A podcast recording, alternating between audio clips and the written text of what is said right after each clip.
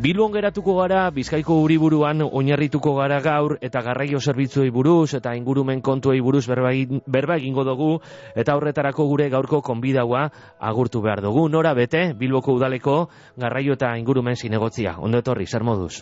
Egunon, ba oso ondo esan. Aztelen honetan, eh, atzoko kantuen eh, ostekoa bizi dugu, atzo da eguna, eta arratiako korukoak egon ziren, ez da, biloko udaletxearen aurrean, kantuan. Bai, ala da, ba, bueno, beti egiten dugun legez, ba, iaz ere, e, iaz, atzo ere, ba, kantatu egin genuen haiekin, eta oso egun posgarria da, ez? Mm Uriburuan leku batetik bestera ibili ziren eta hortxe Bilbon udaletxearen aurrean zuek hasi negotziakaz itzordua egon zan. E, Bizkaibuseko erabiltzaileen kopurua askoan ditu da eta oso datu posgarriak daukaguz pasan astean Bizkaiko Foru Aldundiak publiko ikene basan eta Bizkaibuseko erabiltzaileen kopurua pandemia aurreko zifrak e, errepikatu ez, baizik eta hobetu egin dauz, Bilbobusekoak laster ezagutuko doguz, baina e, bidaiarien igoera honek deskontuen erabakia ondo hartuta dagoala e, erakusten dau? Ba, gure ustez oso aukera ona izan da ba, jendea berriro garraio publikoa erabiltzeko eta datuak ez, ez ditugu zabaldu, baina badakigu obera egin dugula eta bueno, jendea gero eta gehiago animatzen da, ez? Orduan, hala jarraituko dugu aurten behintzat. Mhm. Eta zu guzti duzu, horren motivazio handiena deskontuen arrazoia dela, deskontuen ganean hartutako erabakia dela? Bueno, deskontuagatik hartu dituzte berriro itura, ez? Baina gero, ba, konturatu egin dira aukera ona dela, irian zehar mugitzeko, eta, bueno, ba, gure asmoa hause da, ez?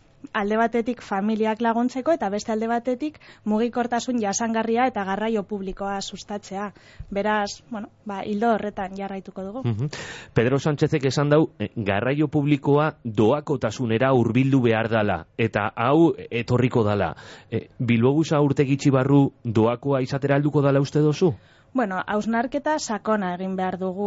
Gure helburua da, ba hori, esan dudan moduan, mugikortasun jasangarria sustatzea eta horren ba, koktelera honetan hainbat gai e, nahazten dira, ez? Alde batetik ba, presioarena, baina maiztasuna e, eta hainbat gai aztertu behar ditugu, baina gure helburua da ba, gero eta pertsona gehiago garraio publikora eramatea. E, kontua da, gaur, astelena dala, eta hogeta laburduko huelgia dagoala Bilbogu zerbitzuan, ez da barria, e, hilabetetako langatazkea da, e, enpresak amar urterako kontratua dauka, hiru urte inguru pasau dira, beste saspi urte geratuko litzatekez, eta Juan Maria Burtok, Bilboko alkateak orain dela hilabete bi egin geuntzan alkarrizetan, berak esaten euskun, e, e, huelgia bertan bera geratzen bada, udala, kontratua bertan bera izteko prest dagoala. Hau gertatuko dela uste dozu? Bueno, egoera ez da hain erraza. Egia esan, e, orain dela urte batzuk, ba, atera genuen e, kontratu berria, eta oso kontratu ona zen gara hartan. Baina gero, ba, bueno, gauzak gertatu dira, ez, e, Ukrainiako gerran, pandemia eta bar, eta baldintzak aldatu dira. E, soldatak igo dira IPC-agatik, eta ba, hori arazo bihurtu da, ez? Eta enpresagatik saia e, egiten e, egiten da hau mantentzea eta beste alde batetik lankidek e, baldintza hobeak nahi dituzte, ez? Eta, bueno, ba, egoera horretan konponbidea bilatu behar dugu eta juridikoki ez da hain erraza ematen, ez? Guri gustatuko litzaiguke, ba, kontratua bertan bera geratzea, eta beste bat ateratzea, bueno, ba, egoerari erantzuteko, baina ez da hain erraza ematen. Juridikoki ba, topatu behar ditugu bai argudioak eta bai e, baldintza onak hori egiteko, eta berriro kontratua ateratzen. Mm Imaginetan dut Bilboku dalak beste barik eh, kontratua bertan bera izten badau enpreseari eh, kalte ordaina handia eh, pagau beharko leuskiola or, kalte, kalte ordaina handia ordaindu beharko leuskiola. Noski, eh, kontratazioa egiten denean baldintzak jarri dira emai gainean, ez? Eta hau da bat, eta enpresak bere kabuz kontratua bertan bera geratzea erabakitzen badu, ba gauza bera gertatzen da. Orduan, ba, oreka bilatu behar da eta horretan gabiltza konponbidea bilatzen.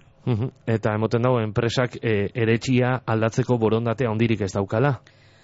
Ah, nire ustez, e, zaila da parte guztientzat, ez? Eta, bueno, ba, gure asmoa da, zerbitzua e, martxan jartzea baldintza onenetan, eta horretarako, ba, oreka hau bilatu behar dugu. Eta itxaro pentsua zara, sekontu da, hilabeteak daroa guzala, Bilbo Guzeko eh, lanisteakaz, eta ba. eta hogeta lau orduko greba eguna da gaur, zazpi urte geratzen jakoz eh, kontratazioari, eh, Bilbo Guzeko erabiltzaile bateri, zen mezu bideratuko zeunzkio?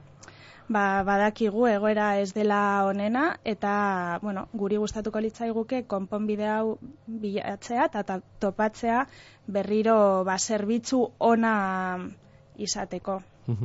Artzandako funikularreko langatazkea, eh, zertan da momentu honetan? Zelan dago egoera hori? Bueno, ba, e, greba egun batzuk egon dira abenduan, eta momentu ematen du ja egoera, bueno, e, konponduta dagoela, e, lankidek e, eskatzen dituzten e, gauza batzuk, ba, e, bueno, martxan jarri ditugu, eta, bueno, espero dugu ja e, elkarrizketa hobea izatea eta zerbitzua martxan egotea. Nora, nahiko deigarria izaten da, hartzandako funikularran e, greba egoten danean, ez bai. talaz, e, gitxineko zerbitzurik egoten, eta eta esango dugu, ba, erabiltzaileak e, hortxe geratzen dirala, ez atzera, ez bai. aurrera, ezin dabela zerbitzua, ezelan be erabili, hau gaitik gertatzen da?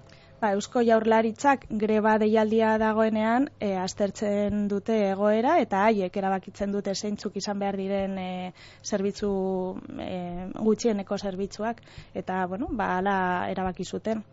Beraz, e, funikularraz litzateke gitxineko zerbitzu lez edo oinarrizko garraio bide lez e, islatuta gongo zentzu horretan. Ba, bueno, haien zatala ematen du, bai.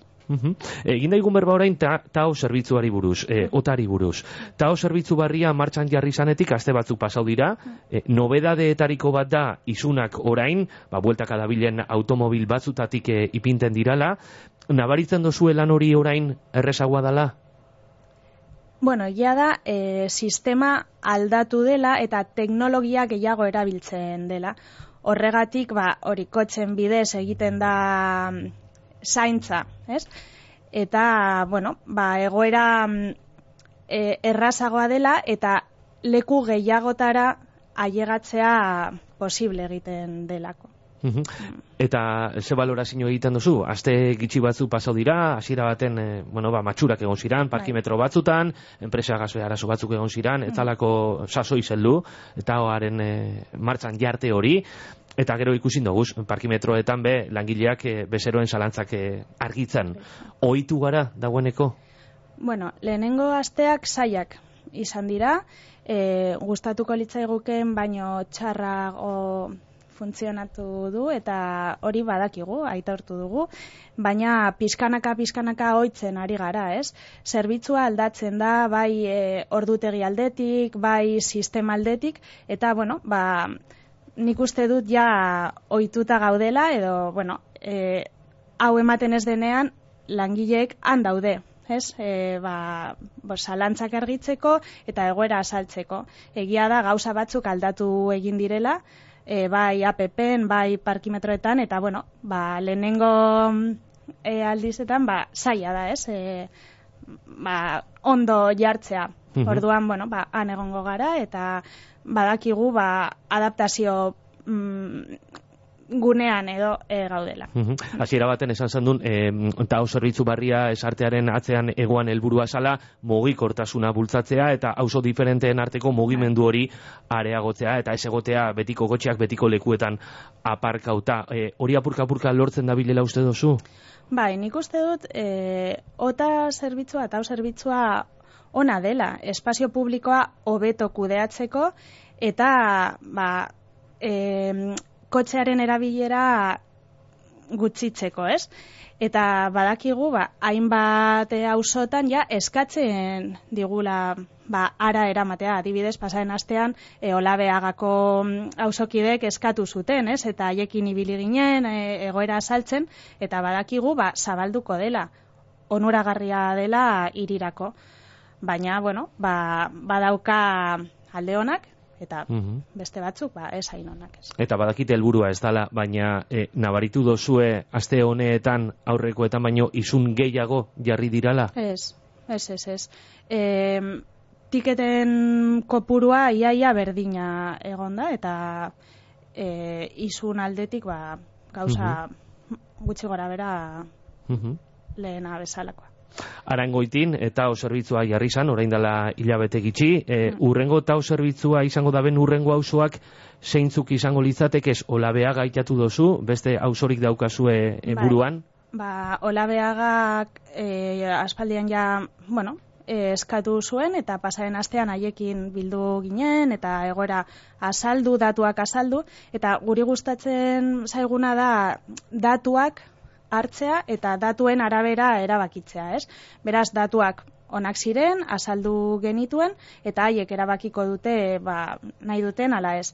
Baina badakigu ere, errekaldeko auzo, goiko auzoak ere eskatu dutela, e, eta beste auzo guzti e, batzutan, bueno, eztabaida sortu da, ez? Mhm. Orduan, guk, ba, aztertuko ditugu datuak eta auzokidekin hitz egingo dugu. Dinozu, olabeagakoek erabakiko dabela jarri ala ez, hori Bai. hori nos gertatuko da, gitxi gora bera?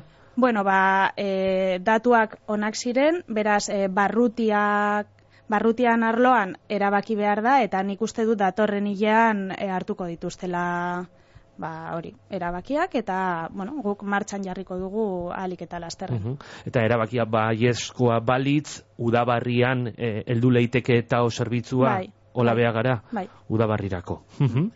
e, egin daigun berro orain emizio gitxiko guneari buruz. Bai. Emoten dau apirilean jarriko dala martxan. Asko egin dugu berba, baina ez gara nekatuko, ze e, errepikatu behar dira e, kontakizunak, ondo azaldu behar da guztia. bai. Emizio gitxiko gunea, zertarako da, zein da helburu nagusia? Ba, helburu nagusia da hiriaren airearen kalitatea hobetzea eta horren ondorioz gure osasuna hobetzea. Eta hori izan behar da mesua. E, emisio gutxiko eremua martxan jartzen da gure osasuna hobetzeko. Eta horregatik e, murriztu behar dugu irian dauden e, kontaminazio edo airearen e, kutsatzen duten partikulak, ez? Eta oso lotura estua, estua daukate mugikortasunarekin eta kotxez ibiltzearekin. Horretarako, ba, perimetro batean, mm, bueno, murrizten da mugikortasuna eta kutsatzen den e, diren e, autoak. Eta salbuespen asko dago zeintzu Bai. horretan be bai. Gogoratu da igusan batzuk, ze batetik dagoz, amentxe, e, erdialdeko auzogunetan bizi iran bizilagunak, bestetik e, garaje bat daukienak, e, garraiolariak be bai. Ba, saiatu gara e, egoera oso ondo aztertzen eta badakigu ba, hemen bizi direnentzat arazoa izan daitekela eta horregatik ba, e, salbuespena egin dugu hauekin, baina e, garraio publikoarekin, garajeak e, dutenarekin esan duzun moduan, e, eskolako garraioarekin, zerbitzu esentzialak, ez, e, polizia eta bar, eta hainbat, e, bueno, ba, sektorekin. E, bueno, zaila da denok e, aipatzea, baina ordenantzan oso argi e, jarri ditugu ba, zeintzuk diren eta zergatik, ez? Eta momentu honetan, ja, behin, e, behin bateko mm, aprobazioa egin dugu plenoan, e, udalbatzarrean, eta momentu honetan alegazio fasean gaude. Horregatik, ba, pertsona batek edo elkarte batek e, aukera dauka alegazioak egiteko, eta, bueno, ba, guri e, burutu ezaigun gauzaren bat e, haiek sartu nahi badituzte, ba, aukera daukate momentu honetan. Mhm. Apirilean jarriko litzateke martxan eta e, kasu honetan ba, zarrak diran hainbat urteko adina daben automobilak, bai gasolinakoak eta baita dieselak ezingo litzateke sartu e, goizetik gaberako ordutegian Bilboko ba, erdialde osoan esan genke, gitxi gora bera em, zelan e, kontrolauko dozue hori, E, matrikulen irakurgailuak Bai. egongo dira, non jarriko litzatekez? Ba, hainbat puntutan jarriko ditugu eta ba, matrikulak irakurriko digu, e, ditugu. Ez dugu e, pegatin hau e, jarri behar, baizik eta hori, kontrola e, lektorekin egingo da. Mhm. Ez da pegatina eh, jarri behar, ba, Ez, jende asko joan dira joan Bai, gara bai. pega- pegatinaren bila, Badakigu baina ez da beharrezkoa. Bilbon behintzat ez. Mm. eta pegatinak zertan lagundu leike, edo, edo ez Bueno. dauka zer ikusirik. Bai, bakoitzak jakiteko zein den haien e, distintiboa, ez? Eta beste hiri batzutan bai beharrezkoa da, baina Bilbon ez dugu beharko. Mhm. Kalen peatonalizazioari buruz egingo dugu berba. E, irakurri dugu prentzan, e, García Rivero erdi peatonalizetako asmoa dauela, beste kale batzuk be buruan deko zuez, zeintzuk izango litzateke ez? Ba, niri gustatuko litzaigo, e, litzaidakena izango da barruti guztietan zabaltzea. Erdigunean, noski, nola ez, baina e, espazioa irabazi behar dugu pertsonentzat edonon, irian zehar. Eta horretarako, ba, e, aztertu behar ditugu, ez? Ez dugu inposatuko, baina badakigu gune batzuk, ba, posi, posibilitate gehiago dauzkatela, eta oso onuragarria da espazioa berreskuratzea, autoei kentzea eta pertsonei eram, ematea, ez? e, nagusiei, umei, beraz, nik uste dut, gure helburua hau izan behar da. Eta zeintzuk deko zu agendan, ze badakite zabalguneko plaza barritzeko Bai. proiektu horretan e, kale zati bat peatonali- peatonalizauko dela, oinezkoentzako bihurtuko dela, García Riveroren erdi peatonalizazio hori behaitatu dugu, zeintzuk beste aukera daukauz, daukazuz, buruan. Ba, adibidez, e, oso eredu ona iruditzen zaidana da e, ze- e, San Ignazion, ez? Tau zerbitzua martxan jarri genuen, ba, orain dela urte bete. Eta e, konturatu gara, gero eta espazio gehiago e, daukagula. Hainbat aut, e, e, auto. Hortik joan dira. Ba, ies egin dutela, eta espazioa libre daukagula. Orduan, pertsonentzako espazioa berreskuratu dugu, eta kale batzuk, e, han ere, ba, oinezkoentzako egingo dugula. Bidegorriak, e, aurrekoan herri irratian emon zendun alkarrizketa baten, entzun eutzun, lau bidegorri barri aztertzen zabiziela. Zeintzuk izango litzateke ez eta segaitik? Ba, nik eh, esango nuke da aurten bizikletaren urtea izango dela, ez? Eta e, zuk aipatu duzun moduan lau bidegorri berria izango ditugu irian. Bata izango da Zumalakarregiarena, beste bat e, Pio 10 hor deustun, e, beste bat Irala eta Miribilla lotzen dena, eta beste bat em, geri zubiatik pasatuko dena, ez? Ba, hor, e, Hortxe joango litzateke ez. E, bai. e, geria itatu dozu, eta e, gaurko barria da, egunkari batek dakar, itxasadarrean zehar dabilen Bilbouts itxasontziarentzat eta beste itxasontzi batzuentzat, e, e, errekan zehar, eskerraldean eta eskuinaldean, getxotik bilora bitartean, kai barriak e, diseinetako enkargua egin deutzela Frank Geriri. E, ekimen pribadua da, zuek e, udalean gai honi buruz badakizue zeo zer, eta hau egiten bada, noizko egongo litzateke kai barri horrek prest? Ba, nik ez daukat e, daturik. Ez dut ezagutzen egoera, baina imaginatzen dut, ba, e, turismo sustatzeko eta bar, ba, bueno, beharko dutela, ba, infrastruktura gehiago, ez? Baina ez dute oso ondo ezagutzen egoera. Amaitzeko, zu ingurumen zinegotzia be bazara, eta honetan egunetan berbagai izan da, zorrotza auzoan dagoan, sader enpresak eh, gipuzkoatik eh, helduko diran, e, bueno, balako lixi batu batzuk, ondakin kimiko batzuk jasoko dauzela, antzak Gipuzkoako foru aldunditik Nafarroara eroaten ebesan eta Nafarroako gobernuak esan dau horrek ez doi esela onartzen. Zorrotzako sader enpresak esan dau eurek gaitasuna daukiela lixi batu horrek subietako erraustegitik eh, luko litzateke esan eta keres banabil eltzen hasita dagozan lixi batu horrek hartatzeko eta horrek kudeatzeko. Eta eraberean, zorrotzako hausokidek esaten dabe nahikoa dala oso azarre dauzela eta ninguruan usain txarra baino ez dabela igerten. Honetaz guztiaz, eh, ze eretxideko zuzego eta egiten dozu? Bueno, egoera mm, komplikatua da. Guk badakigu iritik kanpo joan behar dutela, osea, orain ez dugu imaginatzen iriaren barruan, ez, alako enpresak izatea, baina, bueno, e, auke, e, e, Eusko Jaurlaritzako e, autorizazioa daukate, eta helburua da iritik kanpo eramatea, badaukate ba, mm, urte batzuk e, buruan, eta badakigu ba, e, puntazorrozako plan, est, e, plan e, berezia e, onartzen dutenean, ja, e, bi urte baino ez dira izango, baina momentuz han egon behar, egon behar dira, badakigu edo hala esaten du behintzat Eusko Jaurlaritzak kutsatzen ez duela, eta haien datuei buruz, ba, ez da enpresa kutsatzaile bat, badakigu e, usainarena eta e, hausokidek kontatzen dizkiguten gauzak, ez? E, e, vapor de agua ateratzen denean edo hori usainarena, bada baina e, autorizazioa daukatean egoteko eta egiten dutena egiteko. Makina bat gairen inguruan emon deuskuzu eretxia eta nik eskertzen dutzut nora bete, biloko udaleko ingurumen eta garraio zinegotzia. Eskerrik asko gaur bizkaia irratian egotearen eta aurrengora arte. Eskerrik asko zuei.